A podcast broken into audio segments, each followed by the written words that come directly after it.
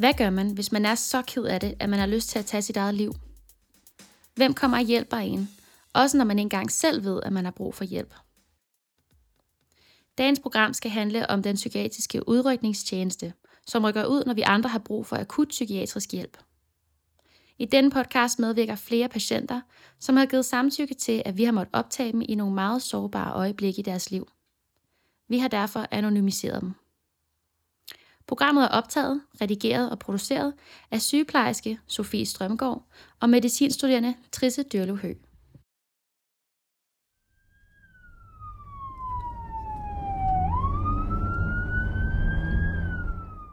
Vi tog med psykiater Simon Gardner på arbejde en dejlig sommerdag i København. Vi er med på sidelinjen og ser, hvordan det er at være læge i udrykningstjenesten, og hvordan arbejdet med psykiatriske patienter ser ud uden for hospitalet.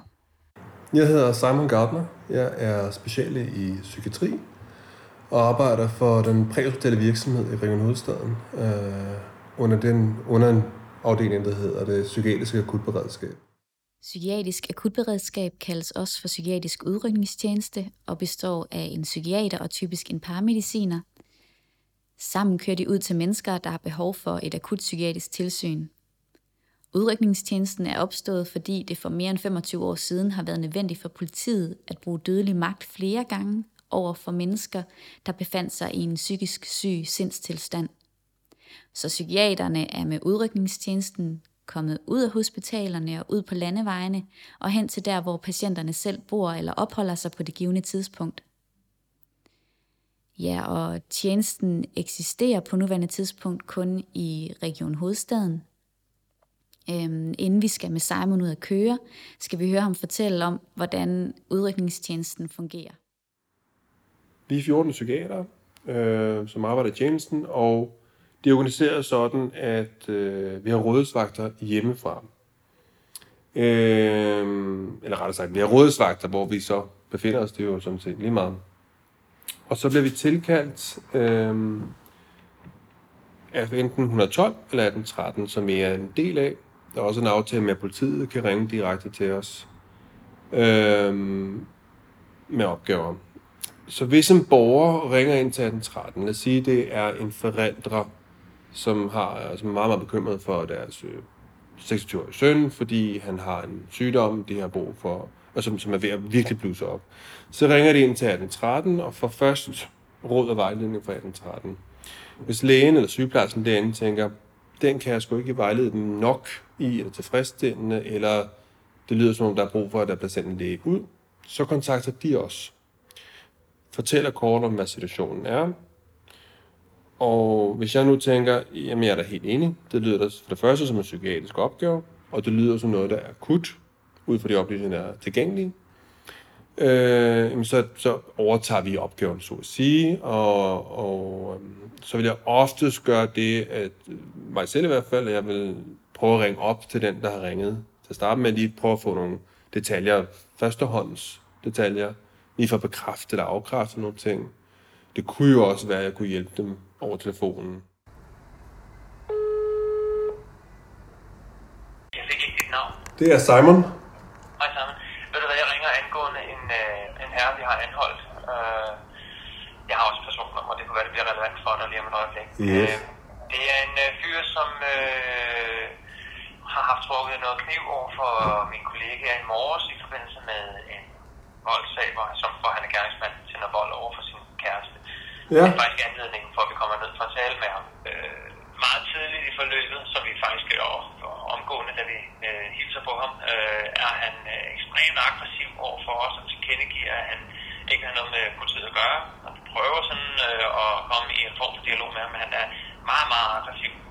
Øh, ganske kort efter vi sådan adresserer ham, hvis man kan sige sådan, så går han ned og henter en, øh, en køkkenkniv med et blad på cirka 25 cm vi trækker os lidt tilbage, ja. fordi på det her tidspunkt, der, der er han jo bare ude på båden, og for så vidt ikke rigtig farlig endnu. Nej, nej, det er bare dumt. Men vil ikke i dialog med os, råber og skriger, vi skal bare komme, vi kan bare komme, kom, altså virkelig, virkelig aggressiv. Ja. Råber og skriger om, han er ikke soldater, har set nogle kammerater blive sprængt i stykker, og vi har det, og øh, det skal lige sige til det, at øh, kæresten øh, afkræfter det og siger, at han er altså ikke været soldat. Øh, okay. Og står så råber og skriger om, at uh, Hells Angels vil hjælpe med at uh, stjæle den her båd og motor fra hende ekskæresten. Det er noget økonomisk mellemværende. Det vil med, øh, og en eller anden palæstinensisk gruppe skulle hjælpe med det, øh, og nogle bistandsklienter op i, i Aalborg det, er dem, der skal hjælpe med det. Så du begynder at lyde sådan noget for os, det her. Øh, nu kan du høre, hvor vi ringer, ikke? Fordi øh, bottom line er, han ender selvfølgelig kort til efter med, og så skal han en trosse over, og går lidt ind i båden igen, men kommer ud igen. Fordi nu begynder han at gå frem mod os, øh, og der er ikke noget mellem mine kollegaer og ham. Gudskelov, gudskelov, så virker pebersprayen på ham. Bottom line er, at han er sagt på pænt dansk, et pusserår fra at blive skudt. Okay. Øh, og han har udtalt nogle ting herinde, blandt andet, at hvis han skal ned og sidde på, øh, på psykiatrisk afdeling, så stikker han nogle folk i Okay. Jeg er ikke i tvivl om, at han skal ikke ud herfra. Og jeg har talt med mine jurister i efterforskningsbagvagt omkring ham. Vores helt klare tilgang er til det her, det er, at han skal vurderes psykiatrisk. Helt sikkert. Med henblik på en rød tvang. Yes. Hvis han vurderes ikke at være psykotisk, Ja. ja, så fremstiller vi ham i grundlovsforhør i morgen alligevel. Men øh, jeg tror ikke, at han skal ind og. Jeg tror, han skal på en akut modtagelse. Ja, ja, ved du, at vi kommer over og kigger til ham. Hvor har I ham henne nu? Inden vi kører med Simon mod politistationen, er det vigtigt at forstå, hvad en akut psykisk tilstand egentlig er. Så det vi spurgte ham om. Jamen akut psy- psykisk tilstand, det er jo...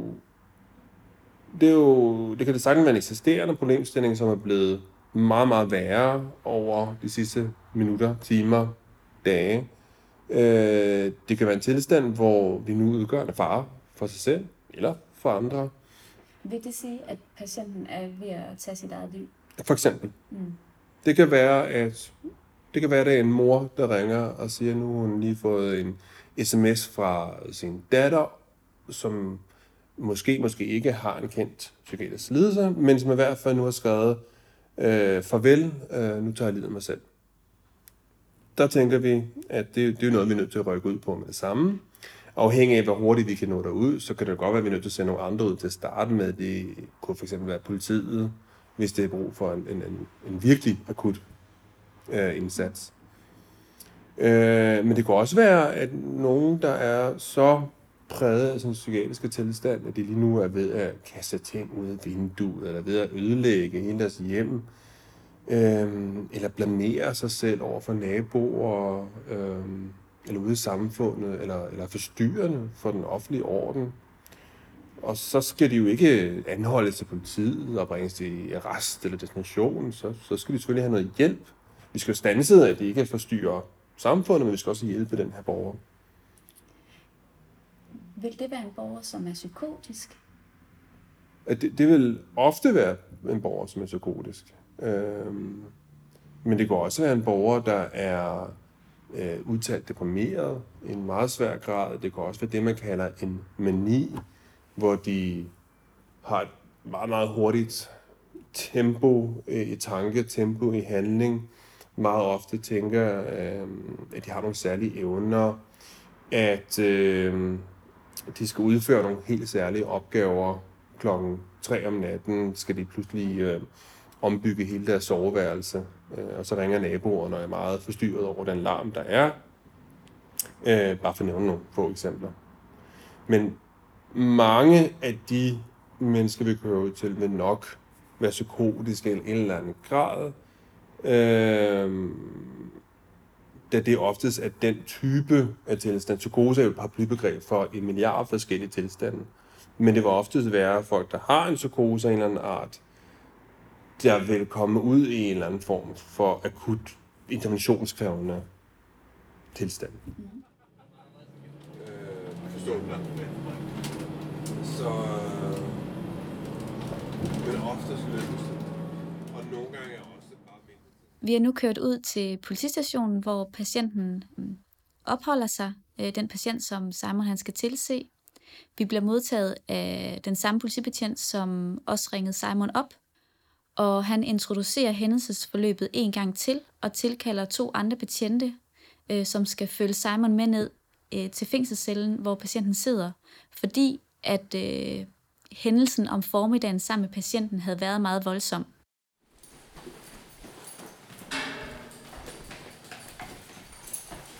Øh, ja, vi, vi går ned i, i kælderen på politistationen og ned til fængselscellerne, hvor patienten han opholder sig. Og øhm, selve cellen er, øh, er grå, altså det er betongulve øh, gulve og be, betonvæg, og det eneste, der er inde i cellen, det er en sort madras, som patienten sidder på. Og da Simon kommer ind til patienten, der præsenterer han sig selv, og så sætter han sig i huk, så han er i samme, øh, eller så han er i øjenhøjde med, øh, med patienten. Øh, og Simon han gør det, at han så opsummerer hændelsesforløbet. Simon, jeg er læge. Øh, jeg hedder Simon, og jeg er læge. Ja. Kommer fra Region Hovedstadens præhospitale virksomhed 112. Mm. Og vi er det der del af det der det psykiatriske akutlæger. Så vi tager til ting, hvor der er måske en mistanke om, at det måske kunne være et psykiatrisk problemstilling. Og det er det, politiet har bedt mig om at hjælpe med. Mm. Okay. Beskrivelsen var, at du åbenbart var ekstremt aggressiv. Ja. ja. Men så siger min kollega her, politimanden, så du, siden du ankom, så har været helt rolig og venlig. Og det virker du også til nu. Det er dejligt. Så nu har jeg hørt politiets version. Kunne du fortælle din version? Jeg er lidt svært ved at huske, hvad der skete. Okay. Sådan helt konkret. Ja. Okay. Alle en grund, så er meget konfus. Er du det? Ja. Nå, det må jeg da finde ud af. Ja, det er måske svært at tage. Ja. Har du prøvet det før? Okay. Øh, optrin til det hele, det, det er jo, at, at, at jeg har lidt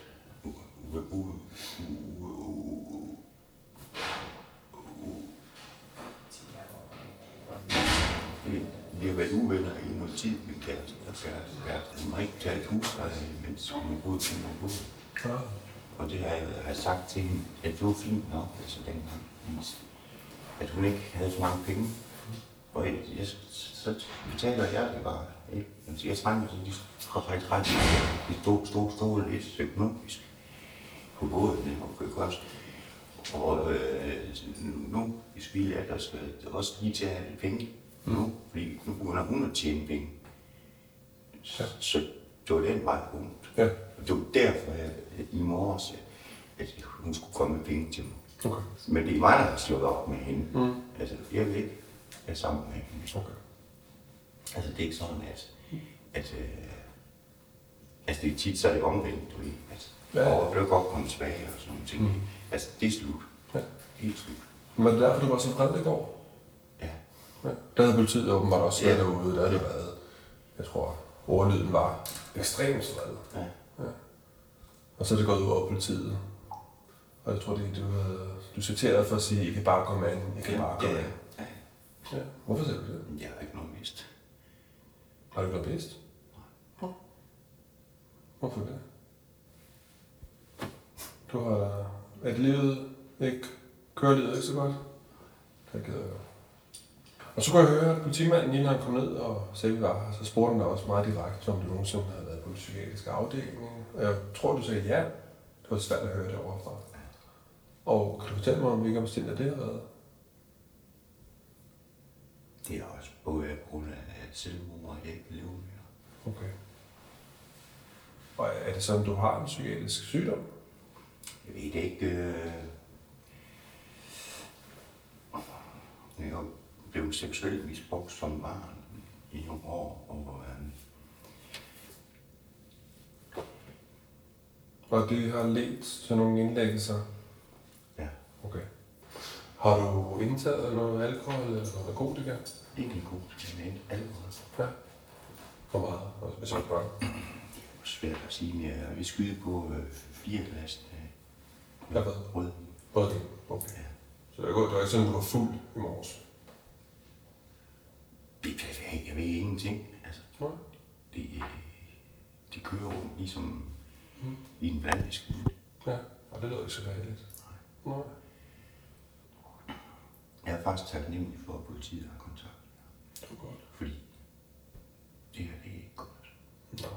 Jamen, jeg ved, vores, vores kollega foreslog det også i morges, men der var din tilstand en anden.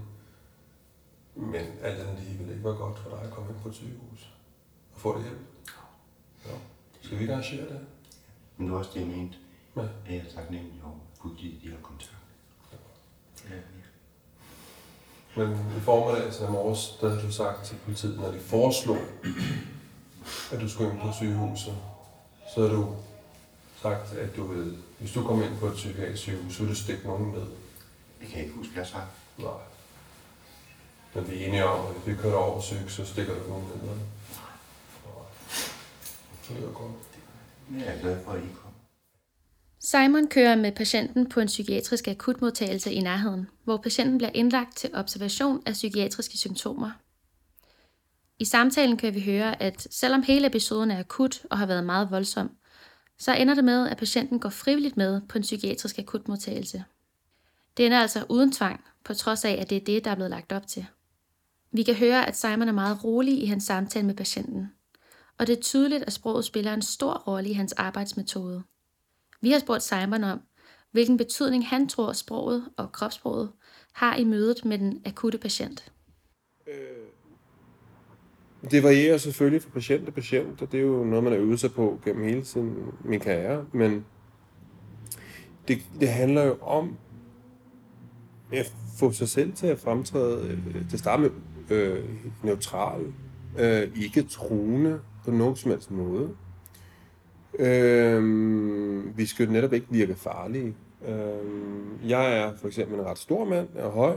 Øh, for nogle år siden, så var jeg også relativt øh, muskuløs.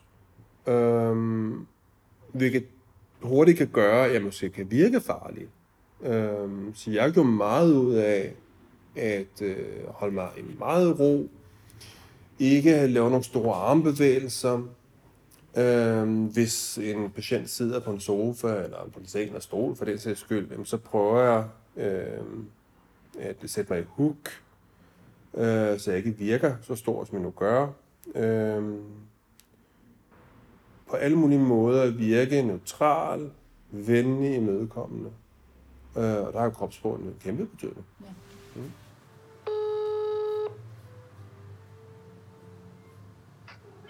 politi, det er Søren. Hej Søren, det er Sammer for psykisk udrykning. Og hvad er, hvad er historien? Jamen, vi, øh, hendes kusine ringer tid, fordi hun har sagt til hende, at hun vil begå selvmord. Okay. Hun øh, har drukket og prøvet at flygte fra os op ad opgangen. Øh, Okay. Og så har hun siddet ude på toilettet og sagt til mig, at jeg slår dig ihjel. Og så har hun hamret sin vodkaflaske ned i gulvet for at gætte for os maden. Nå, Så nu ligger, nu ligger hun på gulvet inde i stuen og, ja, og siger, at hun ikke vil tvang- tvangsindlægges. Og hun vil heller ikke øh, have, have, noget frivillig hjælp. Nej, nej, overhovedet ikke. Overhovedet ikke. Nej, det lyder som noget, vi er nødt til at tage os af. Men vi tager det over, jeg tænker, jeg har ikke nogen magiske tricks. Jeg tænker, det, det jeg kan hjælpe med, det er at skrive nogle papirer.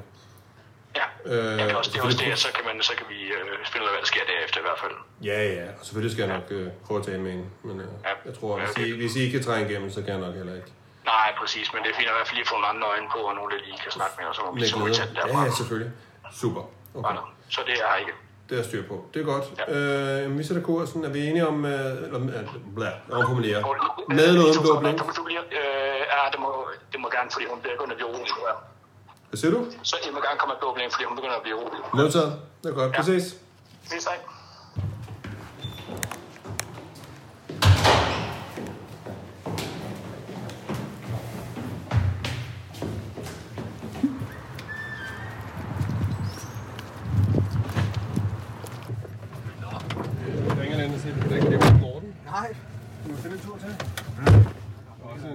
en meget spændende tur, vi høre bagefter, men den når.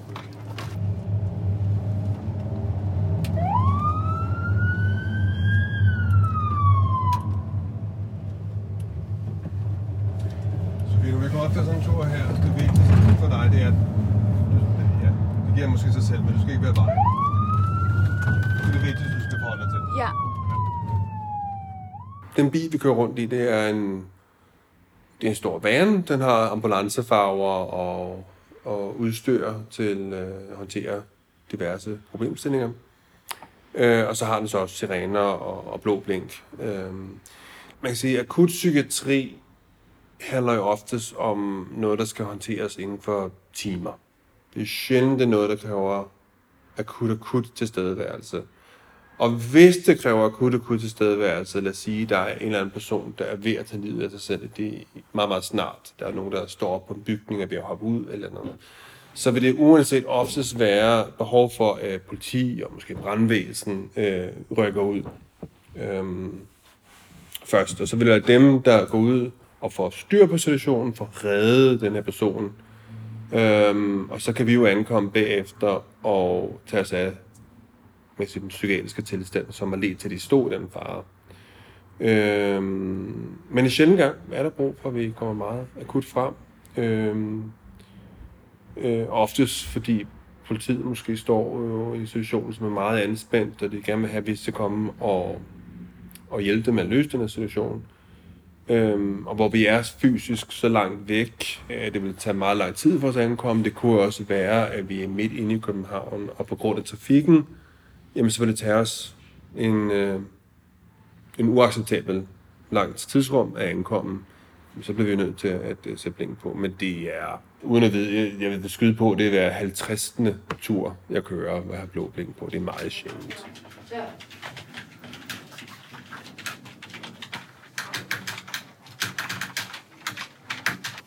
Rørbro. Hvad jeres printer hedder 600, 6008. Det har det i, der hedder. Bum. Hvor finder jeg den? Ude i kopirummet. Det kan du ikke uden nøgler. Vil de være så venlige at hente den blandt? Ja, men det er egentlig gerne vil hente den for dem. Det var venligt. Mm. Men nu har du skrevet røde papir. Jeg har skrevet røde papir, og det er jo... Man kan tvang, I Danmark kan man tvangslægge folk på to indikationer. Det ene er det, man kalder behandlingskriteriet, som er, at en patient, som ikke er velindlægningsfrivilligt, der alle muligheder udtømte, øh, men har et behandlingsbehov. Det er en tilstand, hvor vi øh, er ret sikre på, at vi kan behandle det, og vi er ret sikre på, at hvis man ikke behandler det, øh, så bliver det enten ikke bedre, og potentielt bliver den her værre. Øh, hvis de kriterier er opfyldt, så kan man, så kan man tvangsindlægge. Faktisk i læge eller i øh, sundhedsloven, så står der faktisk, at lægen har pligt til indlægning. Mm. Som du kan høre, er Simon ved at skrive røde papirer på patienten. Det betyder, at hun nu bliver tvangsindlagt på en psykiatrisk afdeling. Desværre bliver Simon afbrudt, inden han når at forklare færdigt, så i stedet fortsætter vi hans forklaring. Når man bliver tvangsindlagt, skal det gøres på baggrund af tre kriterier. Sindssygekriteriet, behandlingskriteriet og farkriteriet. Sindssygekriteriet betyder, at en person er sindssyg eller i en tilstand, som kan sidestilles til det. Behandlingskriteriet betyder, at der er en mulighed for bedring ved behandling, eller at personen vil få det værre, hvis det ikke behandles. Det sidste kriterium, farkriteriet, betyder, at en person er i fare for sig selv eller andre, og på den baggrund kan tvangsindlægges. Når man indlægger på baggrund af behandlingskriteriet, kaldes det for at indlægge på gule papirer. Hvis det derimod indlægges på baggrund af farkriteriet, kaldes det at indlægge på røde papirer, og det skal ske akut. Patienten, som Simon skrev røde papir på, var selvmordstroet. Hun var altså i fare for sig selv, og det var derfor, at han besluttede at tvangsindlægge hende. Og fordi patienten var i en sindstilstand, hvor hun ikke var i stand til at tage stilling til øh, sine omgivelser, var det selvfølgelig ikke muligt at optage hjemme i hendes lejlighed. Øhm, så, så vi kunne ikke få et samtykke fra hende. Øh, men det var tydeligt at se, at der var et tæt samarbejde mellem politi, Simon og, og de pårørende, og at det samarbejde øh, var med til at gøre situationen roligere. Så det endte faktisk med, at, øh, at hun selv gik med ned til ambulancen øh, for at blive kørt til den psykiatriske akutmodtagelse.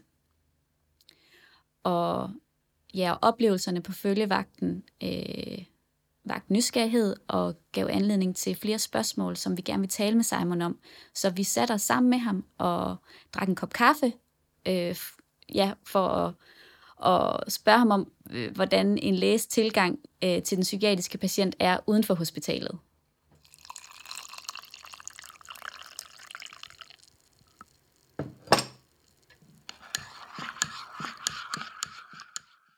Vi kommer jo ud til en, en situation, der er jo, er jo opkørt på en eller anden måde. Det betyder ikke nødvendigvis, at, at patienten råber og skriger og kaster med ting. Det kan også være en, der er helt rolig.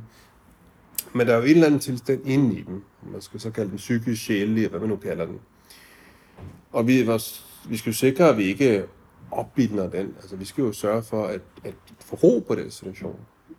Uh, det gør vi til start med, med at selv være rolige. Og vi skal jo virkelig vise, at vi er her for at hjælpe. Det kan godt være, at vi var ubudte, vi var uinviterede, og vi jo, nogle gange kommer vi jo og nærmest bryder ind i folks boliger. Øh, og derfor, og det skal vi jo, der skal vi jo have enorm respekt for, at det her er jo netop en menneskes private sfære.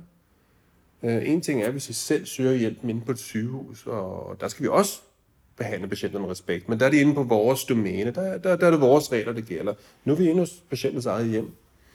Øh, og så handler det om at have enorm respekt for, jamen, det er her, patienten bor. Øhm, vi kommer og invaderer deres private husfred, deres private sfære. Og så man er nødt til at møde patienten med respekt, med ro, øh, og være, virkelig ind, øh, for den her borger at forstå, at vi er ikke for at vi er ikke farlige på nogen som helst måde. Vi er kun for at hjælpe dem i den situation, de er. Det kan jo selvfølgelig være svært, for det kan jo være en situation, hvor hovedpersonen ikke selv indser, at de har brug for hjælp. Øh, der kan absolut være situationer, som er så opkørte, at, at vi, vi ikke kan tale den her situation til ro.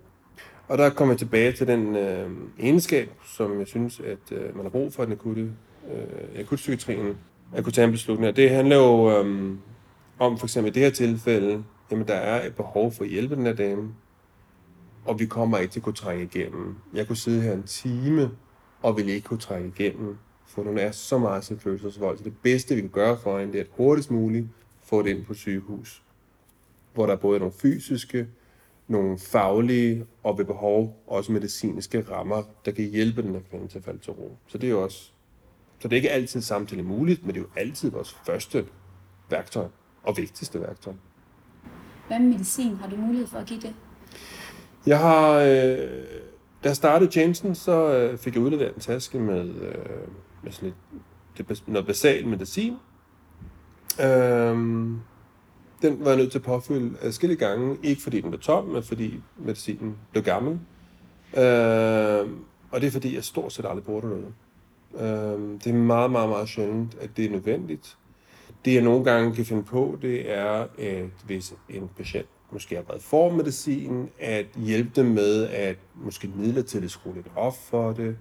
Måske får de noget beroligende, som de tager en gang imellem. Så kan, så kan jeg jo foreslå, at du eventuelt ikke tage noget beroligende medicin. Øh, men ellers er det meget sjældent, jeg har behov for øh, at bruge medicin ude på, på stedet. Så jeg har holdt op med at tage det med. Det betyder selvfølgelig, at jeg en gang imellem så har savnet det, men, øh, men det har ikke været, det har ikke været et problem overhovedet. Jeg synes, det er helt imponerende. For det meste, så kan man jo tale, tale situationen til ro. Som det er lige nu, består udredningstjenesten af en psykiater og en paramediciner. Der er altså ingen sygeplejerske med på holdet. Men hvad synes Simon om den tilføjelse i fremtiden?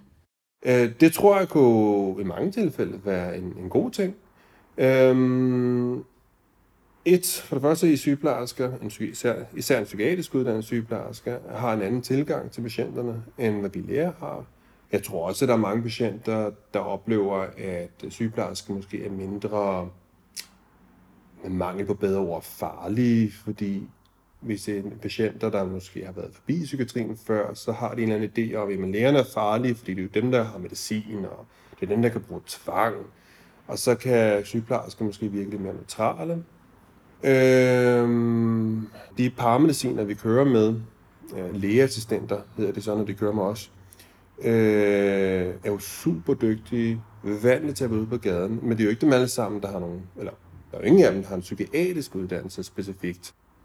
De har en menneskelig øh, fornemmelse af øh, deres arbejde. De har været ude og tilset øh, tusindvis af, af borgere gennem, øh, gennem deres karriere, og har jo en, en stor menneskelig erfaring, øh, og selvfølgelig en, det vi kalder en somatisk erfaring, som jo på mange måder slår min.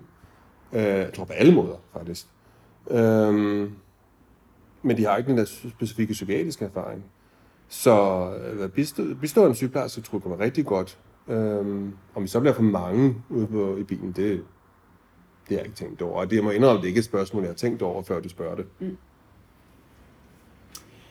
Mm, skal man have særlige kvalifikationer som læge for at blive læge i psykiatrisk udredningstjeneste? Ja, altså vi har, øh, så vidt jeg ved, øh, ikke en, en, en specifik, øh, nogle, øh, nogle officielle kriterier, øh, men den, den, de kriterier, jeg personligt mener, man skal have, det er jo selvfølgelig en stor psykiatrisk erfaring, speciallæge, eller i hvert fald tæt på at være speciallæge, øh, en evne til at kunne tage en beslutning, øh, nogle gange på et meget begrænset grundlag, en evne til at, at, øh, at møde et menneske, øh, og ret hurtigt få et overblik over, hvor slem er situationen, og hvordan kan vi bedst hjælpe den her borger. Man skal have en evne til at, øh, at nogle gange være, øh, have, have evne til at øh, improvisere lidt, fordi til forskel fra mange psykiaters øh, hverdag, hvor vi er inde på et hospital eller en klinik et eller andet sted, hvor vi har nogle faste rammer og nogle lokaler og, og, og, og, og hvad hedder det, alle mulige tilbud, vi kan, vi kan hjælpe dem med, jamen, så står vi i det her tilfælde ude på gaden eller i folks eget hjem og skal nogle gange improvisere os frem, så det skal man kunne. Så skal man, det vil jeg sige, at alle psykiater burde kunne, eller alle sundhedsfaget burde kunne, men man skal jo have evnen til at, at kunne respektere, at nu er vi ikke i vores egen base, nu er vi faktisk hjemme hos, i folks eget hjem, og have den, res, den behørige respekt omkring øh, det, der skal til. Mm. Øhm, det var umiddelbart det, jeg kan komme i tanke om.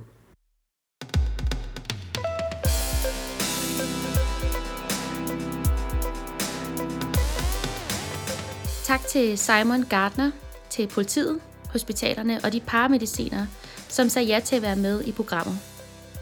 Et særligt tak skal lyde til de patienter, som har givet samtykke til, at vi må fortælle deres historier. Det er vi meget taknemmelige for. Vi håber, at I er blevet meget klogere på den psykiatriske udrykningstjeneste, og at I vil lytte med næste gang. På genhør.